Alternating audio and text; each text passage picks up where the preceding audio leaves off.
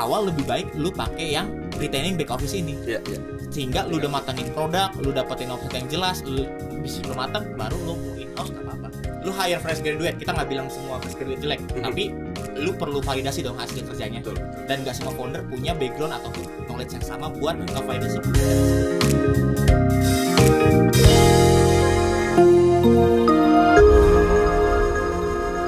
Welcome back to Ngobis, ngobrol bisnis by teman startup. Seperti biasa kita selalu memanggil para expert dan juga founders atau owner ataupun mereka yang expert pada bidangnya masing-masing. Tapi di episode kali ini kalau kita ngomong expert pada satu industri kayaknya kurang tepat nih. Dan kita juga sudah kedatangan Kak Obet, betul Kak Obet Nego Parasian. betul Gue panggil lu nama nggak apa-apa nih ya. santai kita sumuran Oke, kita seumuran. Oke, oke. Bet, boleh nggak sebelumnya lo kenalin dulu diri lu dan kira-kira sebenarnya apa sih ini? Lo lo tuh dari mana sih? Jadi sebenarnya gue bet nego parasian background gue uh, accounting tax Oke. dengan uh, latar pendidikan ditambahin manajemen bisnis. Oke, Di sini gue lagi ngebangun startup namanya Efisien. oke. Efisien ini kita bisa dibilang manajemen services lah. Manajemen services. Manajemen services di mana perusahaan-perusahaan ini yang biasa dipakai sama corporate gede lah. Oke. Kalau lu tahu McKinsey, Mhm. BCG segala macam, Boston, nah itu kan manajemen services. Dia mengejual services dengan multiple yang lini bisnis yang berbeda-beda. Ada Ya, accounting, ada tax segala macam. Nah, Mhm. kita di sini ngebantu supaya teman-teman UMKM ini juga punya fasilitas yang sama, Oke. punya akses yang sama lah Oke. oke. dengan services yang biasa dipakai sama perusahaan-perusahaan gede. Mhm. Karena apa? Karena manajemen services ini biasa dipakai untuk second opinion. Sama para founder. Supaya Oke, apa? Supaya keputusan yang diambil tuh nggak bias. Oke, oke, oke. Gitu. Nah, sebelum lebih seru lagi nih gue ngomong. Gua dulu pernah kena terinvolve dalam salah satu perusahaan mungkin serupa. Hmm, hmm. Dan yang gue temukan nih ya, ini mungkin teman-teman juga relate di eh, yang lagi dengerin nih para founders. Kadang-kadang ngomongin manajemen ini jadi kayak penting-penting nggak penting buat mereka. Oke. Tadi lo sempat ngomong kalau oh ada beberapa consulting company nih buat perusahaan besar, Mm. McKinsey atau misalnya yang Mm. lain gitu, Mm. BCG gitu. Mm. Sebenarnya berarti is it safe to say kalau efficient ini McKinsey untuk para startup dan juga UMKM atau gimana sih? Kita want to be. Want to be. Ya, kalau kita ngomongin level sama mereka segala belum lah, masih terlalu Mhm. dini lah. Oke. Tapi want to be karena apa? Karena uh, perusahaan UMKM ini kan GDP Indonesia tuh hampir lebih dari 90% dari UMKM Betul, betul. gitu. Jadi perusahaan-perusahaan ini kebanyakan UMKM yang omsetnya di bawah 4,8 miliar. Betul. Yang gimana market ini sebenarnya bisa banget nih dibantu nih sama manajemen service ini. Yep. Gitu. Tapi kalau kita ngomong manajemen service, ini Hmm. yang mungkin gue alamin juga. Banyak orang yang punya pendapat nih kayak Mm. aneh. Gak, nggak gitu ngeh gitu terhadap adanya service ini. Oke. Taunya kalau ngomongin social media management tahu, Iya. marketing agency, branding Ya, agency tahu. iya. Tapi kalau kayak ngomongin consulting, second Hmm. opinion, mereka tuh nggak ngerti sebenarnya. Dan padahal kalau kita lihat juga nih efisien kalau nih di websitenya ada business administration, Heeh. corporate service, legal, HR sama insurance wealth management service. Iya. Tapi secara whole dan kalau bisa lo jelaskan secara mudah nih, Bet, buat Heeh. teman-teman. Apa sih sebenarnya yang lo lakukan untuk UMKM gitu? Oke. Awalnya ketika lu mau bikin usaha, apa yang lu cari? Begitu duit udah dapet. Itu duit udah dapat. Iya. Eh, mungkin gue pengen bisa berjalan dengan baik dengan ada sistem yang rapi gitu. Nah, itu dimulai dari mana? Dengan adanya eh, tim yang ngedukung dong. Betul, betul, betul. Tapi kita tahu sekarang untuk ngebangun tim yang baik itu Iya, iya. costly. Ya benar. Benar benar. You name it, manager accounting. Berapa sekarang gajinya lu bisa eh, search di Jobstreet? 15 juta. ya, ya, benar, itu benar. belum tax. Ya, ya, ya, ya. Tapi gimana kita nawarin ke UMKM ini, lu dengan cost yang sangat minimum, lu Oke. bisa dapat service yang lebih profesional lagi. Sebagai third party service ya berarti Iya. ya.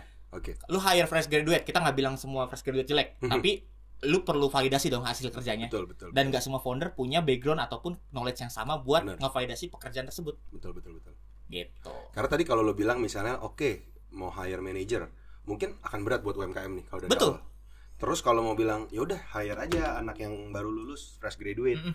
Eh, seberapa legit nih pekerjaannya. Betul. Jadi kita ada di antara itu tuh yang kayak gue sebenarnya pengen mengembangkan lebih UMKM gue, Tapi duit gue nggak ada. tapi duit gue nggak ada. Kalau gue bisa bilang, lu bisa pakai service gue start from UMR, Ya, ya, tapi ya. servicesnya udah dapat toolsnya lu dapat, Ya, ya, ya. accounting service lu dapat, Ya, ya, ya. manajemennya, terus lu dapat uh, skill set yang profesional, Mhm. udah level manajerial. Nah. Dan dapat orangnya juga kan Iya. untuk consulting. Nah, lu Ya. bisa kayak gitu secara founder yang saving cost, Ya. lu bakal mikir dua kali nggak? Kalau kalau gue sih ya kalau memang eh, emang ada kebutuhan dan gue tidak punya timnya ya gue better untuk pakai third party service ini gitu. Nah, itu dia yang kita Jadi coba ini tawarkan yang ke ditawarkan UMKM. ya. Iya. Oke oke. Salah satu contoh service yang kita tawarin. Oke oke oke. Berarti kalau kalau misalnya saya kita ngomongin manajemen lah gitu. Hmm. Manajemen ini berarti kan kebanyakan ya berarti ngomongin administration, Hmm, SOP, hmm. eh, flow dokumen, flow kerja, struktur gitu-gitu. Hmm. Oke, dan kadang-kadang hal seperti ini nih suka dianggap sepele sama UMKM. Betul. Boleh nggak lo kasih tahu temen kayak sebenarnya seberapa penting sih itu manajemen Oke. itu gitu. Pertama, hasil dari research kita Mhm. itu startup 95% failed. Ya. Dan itu kebanyakan itu dari mismanagement. Mhm. Di mana hampir setengahnya itu karena foundernya tuh nggak aware sama hal-hal kayak gini tuh. Gitu. Jadi kita di sini supaya ngebantu eh lu tuh nggak perlu hire in-house yang profesional langsung loh. Ya, ya. Modal lu nggak apa-apa lu pakein buat ngeboost produk lu. Lu Mhm. pakai ads segala macam itu oke, tapi lu harus willing to spend untuk hal-hal yang kayak gini. Betul. Karena apa? Karena ini termasuk investment juga buat Yap, yap. bisnis lo karena Mhm. dengan lo ini udah baik di depan lo mau nge- mau scale up bisnis lo segede apa pun itu udah ada pakemnya daripada lo sambil ngerapin nyebokin dosa masa lalu Mhm, kan benar, kasarnya benar, itu lebih capek lo dua kali capeknya Apalagi ketika lo scale up lo baru mau rapiin. betul itu banyak kan kayak Iya, gitu iya. foundernya bilang pikir eh mikir eh tar aja lah tunggu dia dulu Terus laporan keuangan susah kan datanya semua udah ya berantakan. lu founder dan lu tau lah masalah-masalah itu Ya, ya, ya, ya. ketika nanti ada investment A B C D Hmm, aduh iya. gue belum siapin lagi nih Benar, benar, itu benar. kerjanya double lah Bener-bener. Dan akhirnya ya laporan keuangan sebelumnya dikorek lagi, sistem juga masih Betul. berantakan, data nggak ada. betul Baru datang nih ke lo nah dengan data-data yang berantakan ini iya gitu kan itu akhirnya. kan costnya double juga Betul. waktunya double nah itu Hmm. jadi berlipat ganda lah masalahnya Kenapa nggak kalau udah lu siap rapiin ya memang ayo kita sama-sama rapiin dari awal Betul. gitu ya. Tapi setelah kita kita bakal ngomong banyak lagi nanti tentang layanan-layanan kira-kira apa sih benefit Hmm. value yang diberikan oleh efisien pada para teman-teman UMKM nih. Hmm. Kalau menurut lu sendiri di Indonesia ini kondisi industri services khususnya di consultant Hmm. itu gimana sih menurut lo untuk UMKM? Nah itu tadi karena harganya yang nggak terjangkau oleh Mhm. UMKM, Ya, bisa ya. dibilang lu you name it, lu search di Google harganya pasti berantakan. Ya ya, Berantakan dalam artian range-nya terlalu lebar. benar. Ada yang ada yang murah, ada yang mahal. Nah, yang murah pun lu curiga, ini Ya, beneran nggak nih? Gue ditipu nggak? Ya, benar Nah benar. ini di mana kita di sini supaya nggak jadi benchmark market juga Mhm, mhm. gitu. Dengan service ini lu bisa harga sekian Ya ya. ya. gitu. Karena kalau pas gue masukin profesional yang register di tempat kita, kita lihat, wih harganya lebar banget nih Benar benar. gitu. Jadi sebenarnya untuk dari kita pun bisa untungnya lumayan juga Mhm. karena harganya yang lebar itu dan ketidaktahuan market terhadap pricingnya dari service tersebut. Bener. Karena kalau kita ngomong kayak, oke, finance manager menggantikan finance manager lo, Hmm, kita hmm. laporan keuangan lo. Gue pernah memang yang tadi gue cerita di awal, gue pernah terinvolve Hmm, dalam hmm. ini. Itu tuh bisa dari 500 ribu ada sampai yang 20 juta dan 30 juta dengan service yang sama. Ya bener lah, cuman maksudnya kan memang oh jumlah transaksi misalnya, Iya. kesulitannya setting apa seberapa. Tapi kan itu jauh banget ya Pak, Iya. maksudnya dari ujung Range-nya sampai kan? ujung. Iya. Iya. Nah berarti salah satunya juga lo pengen jadi benchmark ya Memang service itu ya segini gitu Iya. Dan mungkin ya Gue gua ngeliat juga kalau misalnya business service Hmm. Apa sih kunci paling pertama Atau utama lah Kalau kita ngomongin Business service di Indonesia Apalagi consulting management Mm. Yang pertama pasti produknya yang dibutuhin dulu. Mhm. Ketika lu ngasih services, lu tahu dulu nih, kan gue punya histori kerja di startup. Ya ya ya Seenggaknya gue tahu nih, eh, startup itu awalnya ngebutuhinnya tuh apa aja. Oke ya. Nggak serta merta lu ngeluarin produk, eh apanya itu dipedulin kan kita punya harus validasi dulu dong. Ya, ya. Nah, gue punya keistimewaan, udah ngevalidasi duluan nih. Oke oke Begitu gue ngeluarin produk, itu emang produk yang dibutuhkan oleh market. Masyarakat gitu jadi secara founder perspektif pun gue tahu emang gue ngebutuhin ini dan gue menyediakan itu Oke Jadi Gak menyediakan sesuatu yang mungkin UMKM juga belum butuh nih Iya. Misalnya lo jualan tiba-tiba propo- proposal projection untuk 20 tahun ke depan misalnya Nah, dengan itu analisa makro. Ya. Nah, itu kan gak dibutuhin sama UMKM. Nggak dibutuhin. Ya kan. Tapi karena lo punya pengalaman tadi ya mungkin lo tahu akhirnya apa aja yang Iya. dibutuhin nih. ya orang semua butuh laporan keuangan butuh Iya. semua orang Oke, butuh oke. buka PT semua orang Benar-benar. butuh ini ya itu Benar-benar. yang kita siapkan Oke, oke, oke. Nah, kalau kita ngomongin tentang lo menyebut efisien ini apa sih? Consultant kah? yang gue sini sebut pertama kita manajemen services Management services. iya gimana kita bisa nge-provide emang kebutuhan back office-nya lah Mhm, kasarnya Ya, ya. kalau ngomong yang gampang dicerna lu mau back office apa gue sediain Oke. daripada lu hire untuk bisnis model yang belum proven Ya, ya, ya. So, daripada lo trial and error lagi, Iya. lo hiring juga pakai cost. Hiring belum keterima aja udah pakai cost lo, Pak. iya Udah lo dapet belum tentu pas Iya. dan sebagainya. Ya, eh, oke, kita support lo secara managerial ini. betul Nah, kalau menurut sendiri di Indonesia, kompetitor yang serupa sama lo di Indonesia saat ini banyak gak sih? kalau gue bilang belum ada sombong gak sih Enggak, nggak apa-apa, Pak, nggak apa-apa. Kita sombong boleh kan? emang serius bener. seriusnya belum ada Belum. Berarti kita bisa bilang efficient is the first nih Iya. untuk melayani back office ini. ya? iya kalau gue bilang Oke. begitu emang iya Oke, oke. Dan berarti itulah perbedaan lu dengan kompetitor lain. Mm. Karena kalau gue lihat kayak misalnya ngomongin business service. Business service ini kan base-nya trust menurut gue. oke Kayak gue selalu pakai um- perumpamaan ini. Mm. Di rumah lu mungkin lo punya tukang AC gitu. Mhm. Kerjanya jelek, fry on masih ada dia isi lagi ditagih, terus mungkin dia bau ketek misalnya. Mm. Tapi lo akan panggil dia lagi Oke. karena lu based on trust. Oke. Dan gue ngeliat kayak ketika efisien masuk dan satu lini lah, let's say kita ngomongin accountingnya dulu, Mm. gue bantuin lo. Udah kenal sama efisien, sudah dapet trustnya, so yang lain akan refer Follow. ke lu. Iya. Balik lagi, kayak lu bisa lihat di sini deh. How do we help you thrive? Jadi Oke, gue oke. gimana cara ngedapetin trust? Mhm. Pertama gue pasti ngelakuin efisiensi dulu nih di perusahaan tersebut. Yep. Terus gue ngebuat dia grow. Terus gue ngebuat dia sustain. Oke. Sustain dalam artian dia udah bisa nge-provide costnya sendiri lah. Ya, ya, ya. Terus dia bisa dapat profit. Ya. Dan itu baru gue dapetin trustnya. Trustnya ya, oke. Dan Jadi- ini, ini setiap lini ya lo akan lakukan hal yang sama. Iya. Gitu. Ketika gue masuk manajemen ya ini dulu yang lo lakukan. Iya.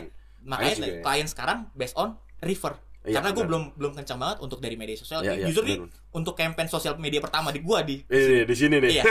Oke. gitu. Karena karena mostly memang akhirnya selama ini lo baru word of mouth lah ya. Betul. Biasanya tuh ini perusahaan si dia terus omnya mau pakai juga, Iya. terus omnya punya teman, Iya. itu kan akhirnya Ah, muter di ah. situ ya. Kalau sekarang nih, tadi lo sempat menyinggung tentang strategi social media presence. Hmm.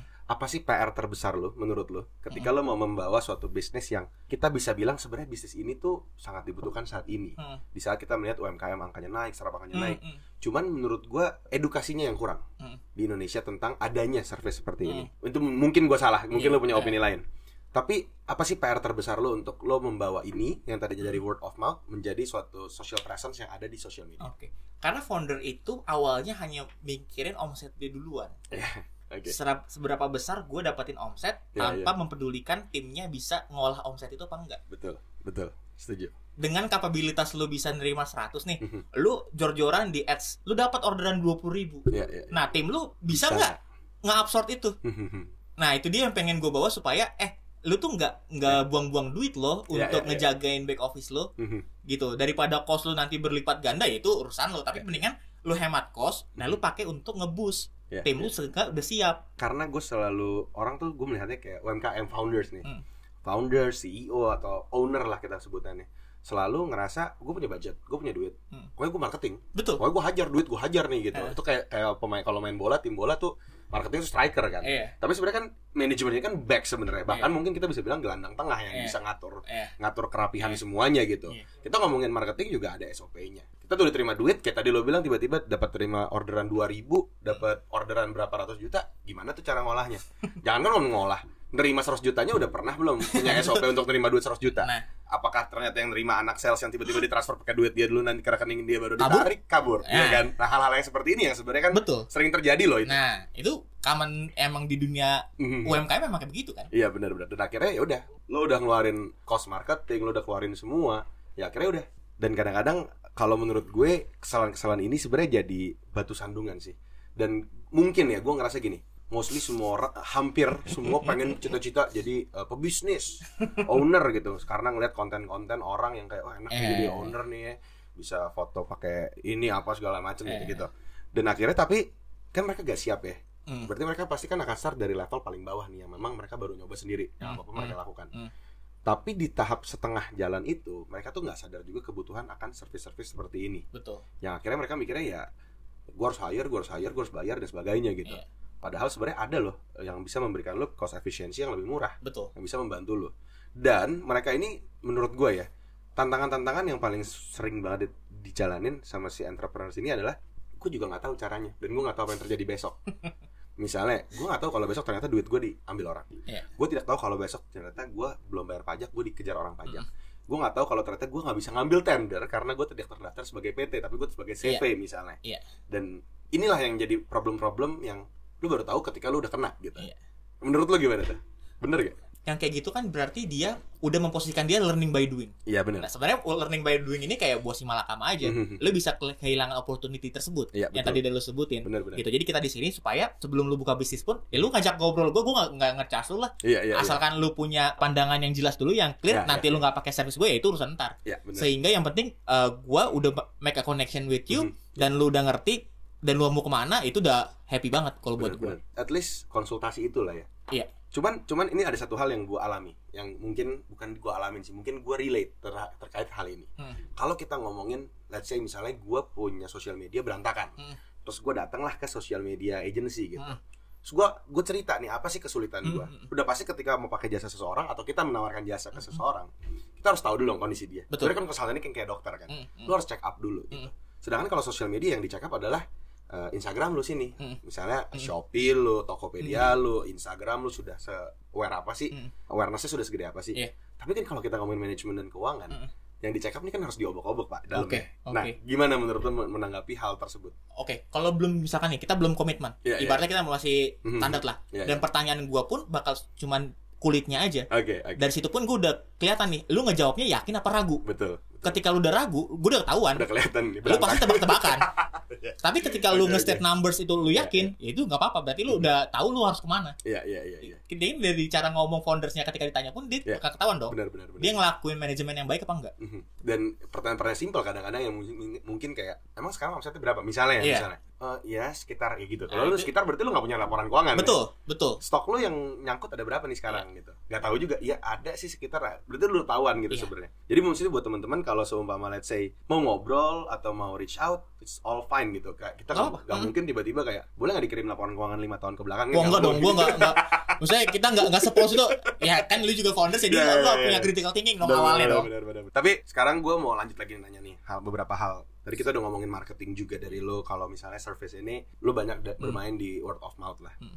Lo juga sekarang lagi fokus untuk membangun social presence lo. Hmm. Kalau yang- gue lihat bagaimana orang bisa mempercayai atau menggu- akhirnya menggunakan jasa service ini adalah tadi trust balik lagi dan Betul. bagaimana gue melihat lo tuh memang ah, ngerti apa yang lo Hmm. lakukan apa aja sih dampak positif yang mungkin para pelaku bisnis ini bisa dapatkan ketika mengetahui dan memahami adanya manajemen service atau menggunakan bahkan gitu selain tadi cost efficiency misalnya Pertama itu bakal ngebuat lu growth lebih cepat. oke Ketika lu paham dengan cost efficiency, lu bakal paham bahwa eh, hiring itu nggak sekedar hiring. Mhm. Itu harus diperhitungkan. Yep. Karena tim yang semakin gemuk itu bakal menghambat growth sebenarnya. Gitu. Ketika lu mau manuver ke mana ke mana Yep. ke mana, terlalu banyak gerbong yang lu bawa. Mhm. ketika lu bisa growth, lu bisa sustain nih dengan income yang lumayan, dengan cost yang rendah, itu kan berarti lu bisa sustain nih Ya. dengan tutup mata. Dengan itu bisa lu adain efisiensi sedikit, lu bisa dapat profit gitu. Jadi sebenarnya itu kayak rantai makan aja. Lu Mhm. harus ke mana dulu nih awalnya nih, ya ya baru nanti yang lain bakal ngikutin. di antara bisnis service dan administrative tools yang ada nih Mm-mm. sebenarnya apa sih service yang paling benefit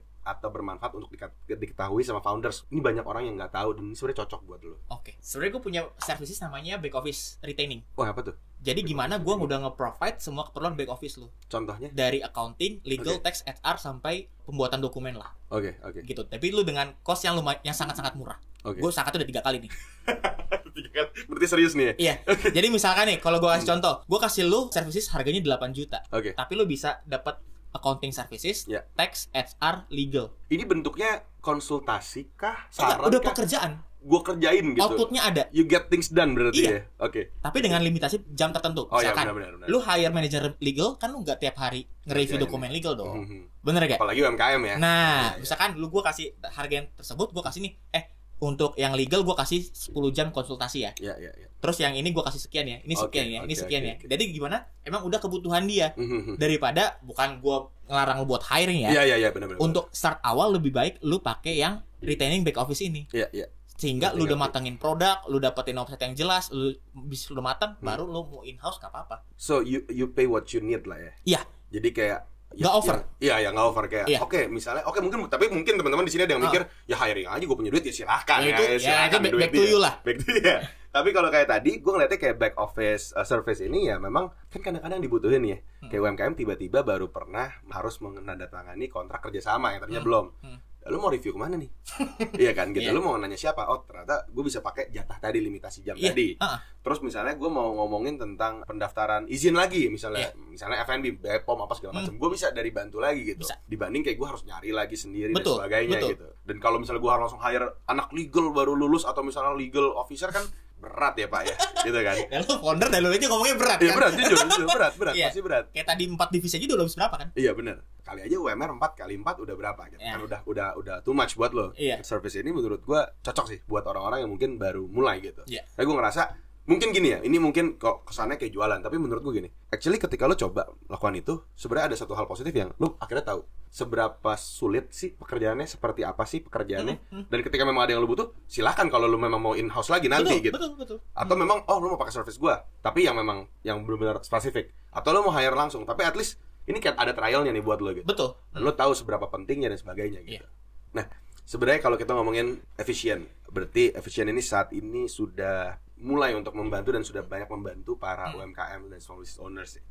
Nah, menurut lo sendiri keberadaan efisien nih sebagai business service lah, itu apa sih yang mau lo tuju gitu? Oke, pertama yang kalau secara perusahaan kita yakin bisnis ini bakal ngebantu mayoritas Ya, ya. UMKM yang ingin mulai. Oke. Yang mulai dulu deh, nggak usah yang punya omset. Ya, yang ya, ingin mulai sehingga dia tahu nih petnya dia mau ke mana ya. gitu. Benar, dan, benar. dan nanti dalam jangka waktu dekat kita bakal eh, ngerilis fitur kita yang udah web based Oke. gitu. Jadi emang kita udah siapkan supaya kita bisa visibility-nya lebih lebar lah ke market. Karena kalau cuma refer to refer to kentang juga nih. Iya, Ini iya, bisnis yang menurut kacamata kita pribadi sebagai founder itu Mhm. bisnis yang bagus Ya betul. dan opportunity-nya banyak.